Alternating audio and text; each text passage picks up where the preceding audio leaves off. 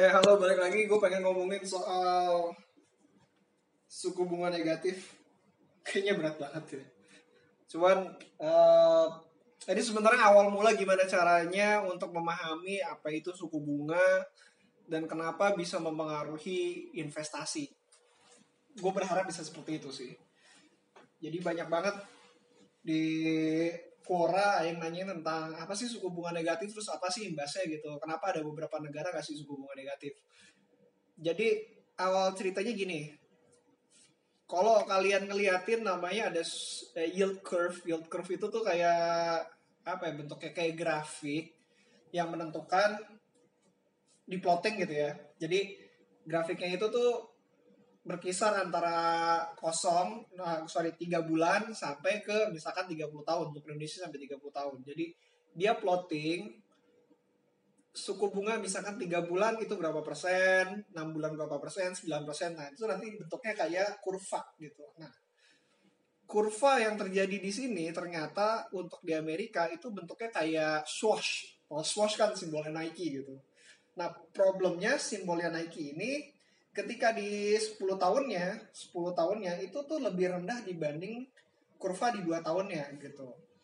Inverted yield curve atau kurva terbalik itu sebenarnya adalah ketika 10 tahun lebih rendah dibanding dua tahun. Dan problemnya kenapa sih? Kenapa seperti itu gitu? Jadi kurva itu menandakan persepsi uh, persepsi dari investor.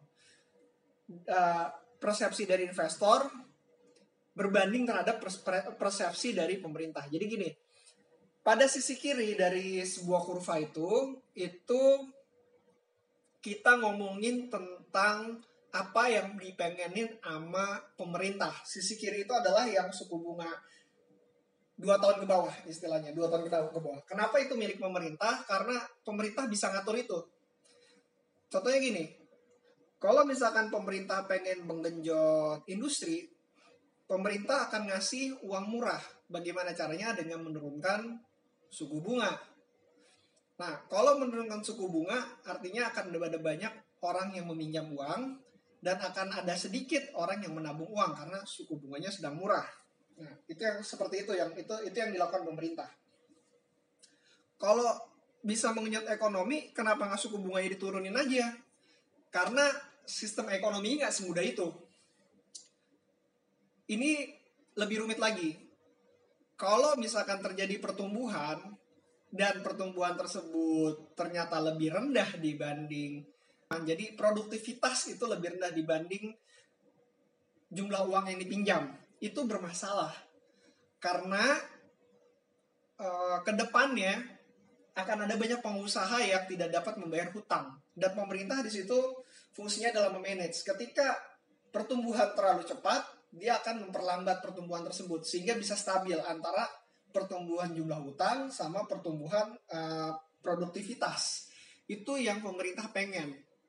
Pemerintah tuh sebenarnya pengennya produktivitas itu lebih tinggi dibanding pertumbuhan hutang itu sendiri karena kalau misalkan lebih tinggi artinya ada kemungkinan ada uang tambahan di masyarakat yang bisa dipergunakan untuk membayar hutang.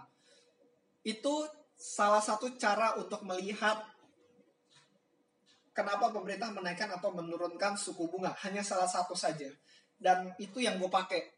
Karena ini bisa menggambarkan banyak hal. Ini benar-benar bisa menggambarkan banyak hal. Problemnya apakah dengan cara menurunkan suku bunga otomatis produktivitas akan naik, akan naik? Ternyata enggak gitu. Ini sempat terjadi di tahun 2015 zaman sebelum gubernur BI yang sekarang di mana suku bunga Fed sebelum terjadi kenaikan itu suku bunga Indonesia mengalami penurunan satu kali lagi dan itu lebih leading dibanding si Fed. Jadi kebanyakan kalau misalkan gue mau bilang kebanyakan kita itu mengikuti suku bunga dari US. Kalau suku bunga US naik kita ikutan naik, suku bunga US turun kita ikutan turun. Karena ini pengaruh persepsi terhadap investor gitu ketika suku bunga US turun kita nggak ikutan turun, artinya suku bunga kita mahal, produktivitasnya jadi melambat.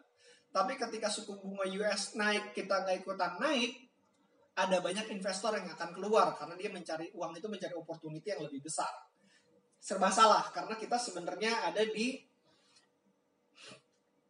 bukan ekonomi maju lah istilahnya. Kita masih di ekonomi berkembang. Kita masih terpengaruh terhadap ekonomi negara lain. Sebabnya ada banyak. Apakah karena kita masih ketergantungan terhadap dolar ataupun ketergantungan negara lain, eh, import ekspor kita masih tergantungan negara-negara lain gitu. Jadi nggak nggak nggak diversifikasi terhadap banyak negara. Jadi lebih banyak ke satu atau dua negara yang besar. Kayak contohnya kita kebanyakan ekspor batu bara ke China, terus misalkan ekspor apa ke US dan Jepang gitu. Jadi kita masih tergantungan antara tiga negara tersebut sehingga suku bunga kita itu sangat dipengaruhi oleh uh, ketiga negara tersebut gitu. Ini perspektif ini sebenarnya ada banyak orang bisa melihat dari sisi yang berbeda, tapi untuk gua, gua melakukan perspektif ini untuk membatasinya dengan cara yang seperti ini. Cara yang gue pengen gitu. Kalian bisa cari perspektif yang berbeda dan menurut gue itu juga nggak salah. Hanya saja uh, perspektif ini menurut gue sudah terbukti dari sejarah yang ada gitu. Melihat perspektifnya seperti ini sudah cukup terbukti. Itu menurut gue nah uh, ketika itu gubernur BI melakukan penurunan beranggapan agar produktivitas naik. Karena waktu itu produktivitas kita turun dari angka 7 sampai ke angka 5,5 sekian dan akhirnya dia bilang uh, bukan dia bilang mungkin BI berpikiran kalau misalnya dengan menurunkan suku bunga produktivitas kita bisa naik dari 5,5 misalnya jadi 5,6 atau 5,7 tapi itu nggak kejadian dan malah lebih turun lagi. Kenapa? Karena penggerak ekonomi itu sebenarnya nggak hanya dari suku bunga saja gitu logika berpikir dalam suku bunga ini benar, tapi ada hal lain yang menggerakkan pasar. Itu adalah manusia itu sendiri. Ketika misalkan pengusaha tidak kurang lah, maksudnya kurang percaya terhadap kondisi ekonomi, mungkin aja dia tidak akan melakukan ekspansi secara besar-besaran gitu. Nah, jadi ada faktor lain dan faktor lain itu tuh mungkin tiap negara bisa berbeda, mungkin tiap waktu pun bisa berbeda. Nah, untuk sementara ketika 2015 gue melihat bahwa pengusaha tidak melakukan ekspansi walaupun suku bunga sudah turun. Nah,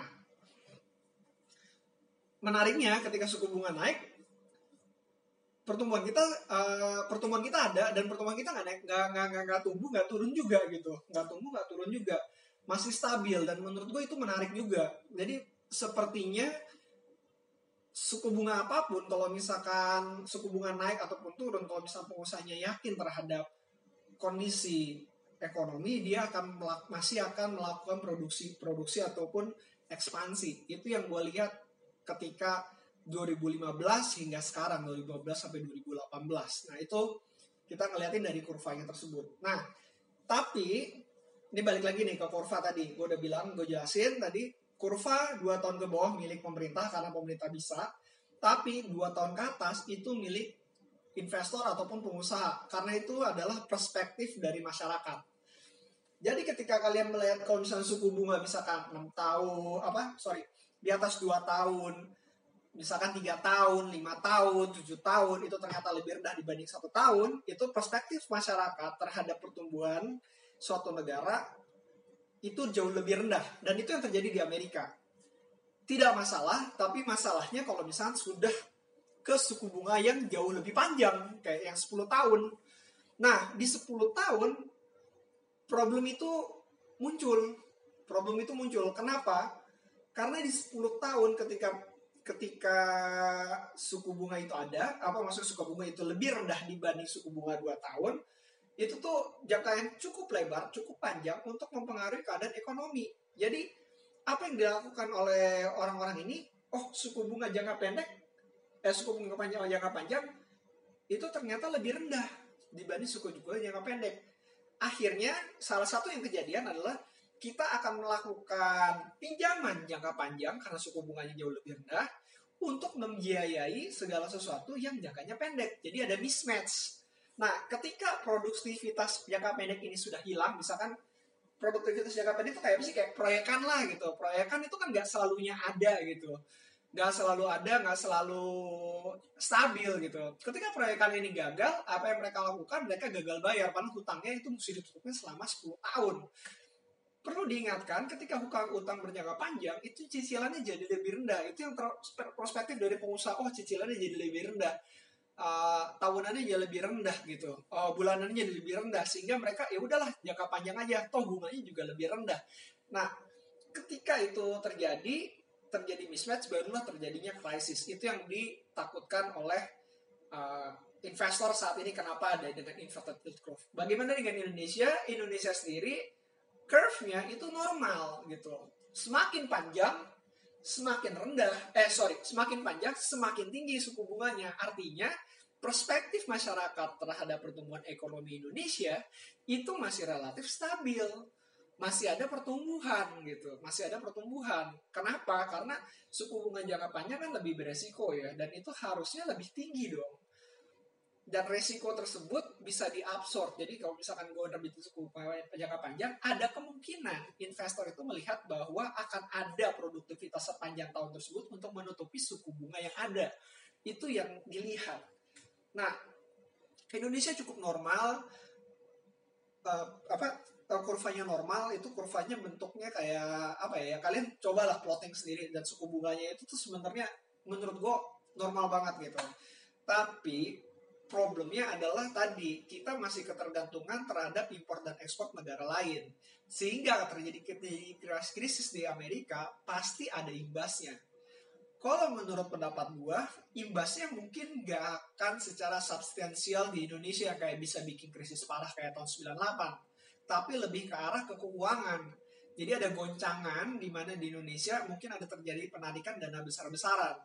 Karena ketika krisis, balik lagi pemerintah obatnya ya naikin suku bunga besar-besaran sehingga uangnya bisa masuk kembali ke negaranya terus udah gitu bisa menstabilkan ekonominya atau mereka akan melakukan deploy uang besar-besaran sehingga mata uang mereka melemah mata uang mereka melemah dan akhirnya dolar yang ada di kita tuh jadi nggak berharga gitu. E, cadangannya jadi nggak berharga. Nah itu ya terlepas itu kan masalahnya kan negara lain akan melakukan apa kita sendiri masih belum tahu sampai saat ini. Itu yang problem problem yang uh, mesti di solving mesti mesti diketahui apa yang terjadi gitu krisisnya di US tapi perlu diingatkan kayak 2008 subprime mortgage terjadi di US ada inverted curve juga tapi kejadiannya terjadi karena triggernya karena subprime mortgage. Nah, inverted curve yang sekarang kita nggak akan pernah tahu, bukan kita nggak akan pernah tahu. Gua sendiri nggak akan tak, gua nggak tahu apa yang men-trigger mereka untuk krisis karena biasanya masalah yang terjadi untuk krisis tuh beda-beda gitu. Dan nyaris untuk satu negara yang sama itu nggak pernah terjadi krisis yang sama gitu. Persis bahwa krisisnya kejadian terulang kali. Jadi industri yang lain bakalan yang kena. Gue masih belum tahu tapi ini adalah sebuah peringatan dini saja gitu. Terus apa yang mesti dia lakukan? Beberapa investor masuk safe haven masuk ke emas dan segala macam. Tapi buat gue sendiri ada duit gue nyaris 80-90% di saham karena gue ngelihat bahwa produktivitasnya kita juga nggak bakalan kehantam lah.